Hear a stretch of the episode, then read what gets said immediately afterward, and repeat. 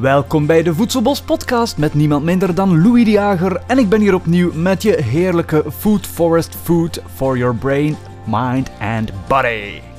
Ik neem je graag mee naar het Lijsternest waar je ongelooflijk lekkere natuurwijn kan drinken, maar ook waar we in deze podcastreeks gaan leren over hoe je zelf bio natuurwijn kan maken in je voedselbos of in je wijngaard. Maaien hoeft niet. Check de Rolofakka. Servaas, ik heb altijd gehoord van de mensen die zeggen ja, als je wijnstruiken hebt of andere houtachtige gewassen, dat je eigenlijk altijd concurreert tegen grassen en dat je dat moet maaien. hè. Dus een groot deel van, eh, ook bijvoorbeeld in boomgaarden, hè, die gaan met maaimachines daartussen om dat gras te maaien. Maar als ik het goed begrijp, doe jij dat niet. Eh, nee, wij werken volgens een nieuwe techniek. Dus iets dat gewoon meer, meer en meer zijn ingang begint te vinden. Eh, ik zie dat toch zeer sterk in de, in de wijnbouw. Ik denk hier en daar in, in bepaalde andere fruitteelten ook. Ehm, Dus dat is heel gewoon een grasmachine. dat is inderdaad geen grasmachine. Ehm, men heet dat een. Rolofakka. Rolofakka. Eh, die naam is afkomstig uit Brazilië, waar men eh, daar de eerste keer mee begonnen is in de, in de grote akkerbouwteelten. Eh, en dat werd gebruikt in de, in de directzaaimethodes, waar men dus tussenteelten zaait, die dan plat rolt en kneust met die lamellen. Nee, dat zijn dus geen messen, maar dat zijn gewoon platte lamellen Ja. die, die, die het gewas kneuzen in de stengel, krijgt dat hier en daar een, een, een, een neep. Eh, waardoor dat gewas eigenlijk blijft liggen en niet onmiddellijk helemaal afsterft. Ja. En het is ook niet afgesneden. Dus eh, eh, uw, uw apex, uw, uw groeitop van uw plant is niet afgesneden, waardoor het signaal niet komt dat het zo snel mogelijk terug opnieuw moet schieten. Want maaien is zaaien, zeggen ze altijd. Voilà. Dus, Dus- dat gebeurt niet. Dat gebeurt helemaal niet. Dus als je, als je, als je, als je maait, dan jaag je je gewas terug op om zo snel mogelijk terug te schieten. En ben je eigenlijk ook aan het selecteren op grassen. Dat is ook een fundamenteel probleem van maaien. Omdat Dus grassen kunnen tegengemaaien, maar andere planten en andere niet. planten veel minder, doorgaans veel minder. Maar, en dat kan er wel tegen. Wel, wij, wij, wij zorgen voor zoveel mogelijk diversiteit in de vegetatie. En hiermee heb je dus veel meer succes. En kan iets wat zaad gemaakt heeft zichzelf ook nog gemakkelijker gaan uitzaaien. Of zaken die nog in bloei staan. Het kan zijn dat ze nog bestoven worden en dat ze nog noodrijp worden of toch nog rijp worden en zo. Ja. Dus in die zin eh, komt dat de biodiversiteit gigantisch ten goede. Maar wa- wat ook nog fundamenteel verschillend is, is dat we met dit systeem een eh, mulchlaag als een soort tapijt over de bodem leggen. Die op voorwaarde, eh, het vraagt natuurlijk allemaal een beetje kennis eh, ter zake en wat experimenteren en zo, maar de bedoeling is dat, dat men zijn gewas eh, laat groeien tot het in het zaad komt. Ja. Dus een, een eenjarige plant, of, of het zitten ook vaste planten tussen, maar eenjarige en vaste planten, die hebben in, in een jaarcyclus altijd een vegetatieve fase, waar dat ze heel sterk exploderen Ja. in, in vegetatie.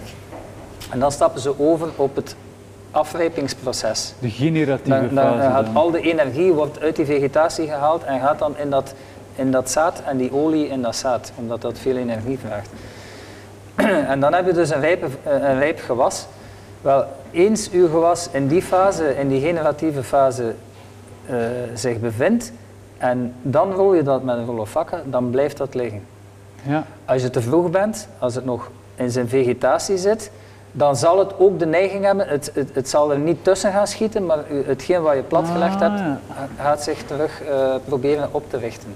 En dat, dat, dat, vraagt een beetje kennis van zaken en, en, en soms ook een beetje geluk. Maar zou je dus mensen die een voedselbos hebben, dus wat, wat gebeurt er in een voedselbos? We, gaan, eh, we gaan hier een rij zetten met bomen, hier een rij zetten met bomen. Eventueel gaat dat, eh, zijn er daar wat bochtjes in. Maar in het begin moet er wat gemaaid worden hé, Mhm. daartussen. Omdat dat gaat concurreren met de andere ja, met de bomen die je zet. Maar je zou dus ook aanraden om hiermee te werken en Absoluut, niet, ja. niet met een maaimachine. Ja. Serieus? Ja, ik, Dus- maai, ik maai nooit meer. Dat is, eh, die tijd is voorbij. Ja. Dat is gewoon een nieuw tijdperk, een nieuw paradigma dat je eigenlijk... Ja, het is ook zoveel gemakkelijker. Jij als boer bent gemakkelijk in staat om heel uw gebeuren te beheersen op deze manier.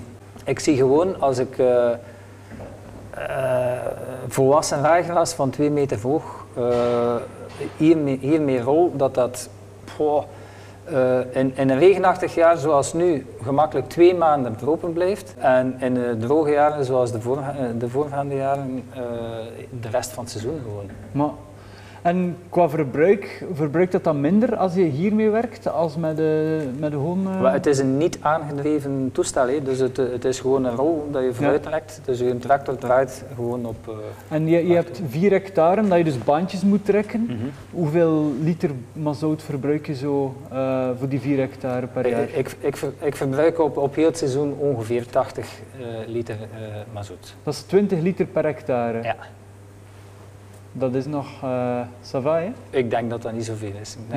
ja. Oké, okay. nee, maar dat is fantastisch, hè? want ja, wij voedselbossers zitten nog altijd in ons hoofd met, uh, met hey, ja, maaien.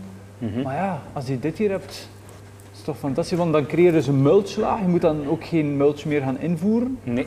En uh, je, je bouwt de bodem op.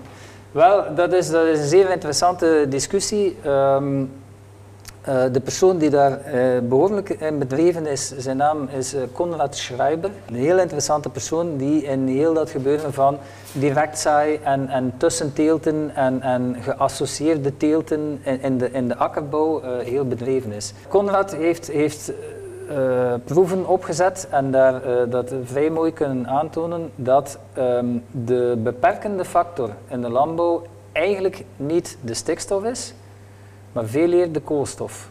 Maar. Uh, en dat als je uw, uw bodem verrijkt met enkel en alleen koolstof, lees stro bijvoorbeeld, ja. uh, dus uh, zoiets met, met een CN-verhouding van 40, 60. Um, en je brengt enkel en alleen dat op uw bodem, niet in uw bodem, he, op de bodem. Ja. want daar is ook weer een fundamenteel verschil op het ogenblik dat je het inwerkt, krijg je heel andere processen dan als het er bovenop ligt. Dus ja. je moet het laten uh, zijn gang gaan bovenop de bodem. Dan zijn dat hoofdzakelijk schimmels die zich daar eerst mee bezighouden en, en dan al die andere diertjes en zo. Um, wat er dan gebeurt is dat vrijlevende stikstoffixerende bacteriën, ja. we kennen allemaal die stikstoffixerende bacteriën op de wortels van uh, vlinderbloemigen bijvoorbeeld. Ja. Maar dat zijn niet de enigen. Dat is maar een klein deeltje van bacteriën die in staat zijn om stikstof uit de lucht te fixeren. Er zijn dus ook vrijlevende stikstoffixerende bacteriën die op dat gewas zitten en daarom moet dat gewas boven op de bodem liggen. Maar, serieus? Dat die, dat die bacteriën dat beginnen aan te vallen en die hebben stikstof nodig voor hun proces. En Ja. waar gaan ze dat halen? De enige plaats waar ze het kunnen halen is in de lucht. Dus op die manier bouw jij ook constant stikstof op. Dankzij eh, Ja. stro. In de, in, in de akkerbouw komt dat erop neer dat ze nog minimaal eh, moeten bemesten. Ja. die, die mensen moeten wel nog een beetje bemesten, maar dat zijn dan ook eenjarige teelten, dat is een ander verhaal. Maar in de doorlevende teelten zoals ik doe, wo- wordt, groeien mijn planten jaar na jaar altijd nog beter. Wauw. Dus eigenlijk Masanobu Fukuoka, de Japanse Ja, boer met de. One Straw Revolution, Ja, die had echt wel gelijk. ja hij heeft gelijk. Wauw, fantastisch. Merci. Graag gedaan. Eerst en vooral mega bedankt om mee deel te maken van de Voedselbos community. Het is ongelooflijk tof om zoveel leuke commentaren te krijgen van jullie. Laat die gerust maar komen. Beoordeel ons zeker ook op Spotify of op Apple Podcasts of waar jij dit ook beluistert. Het betekent heel veel voor een podcast, wat dan de ratings zijn, en ook dat andere voedselbossers dit kunnen vinden. Dus zeker doen, mercietjes, tot de volgende keer. Ciao ciao!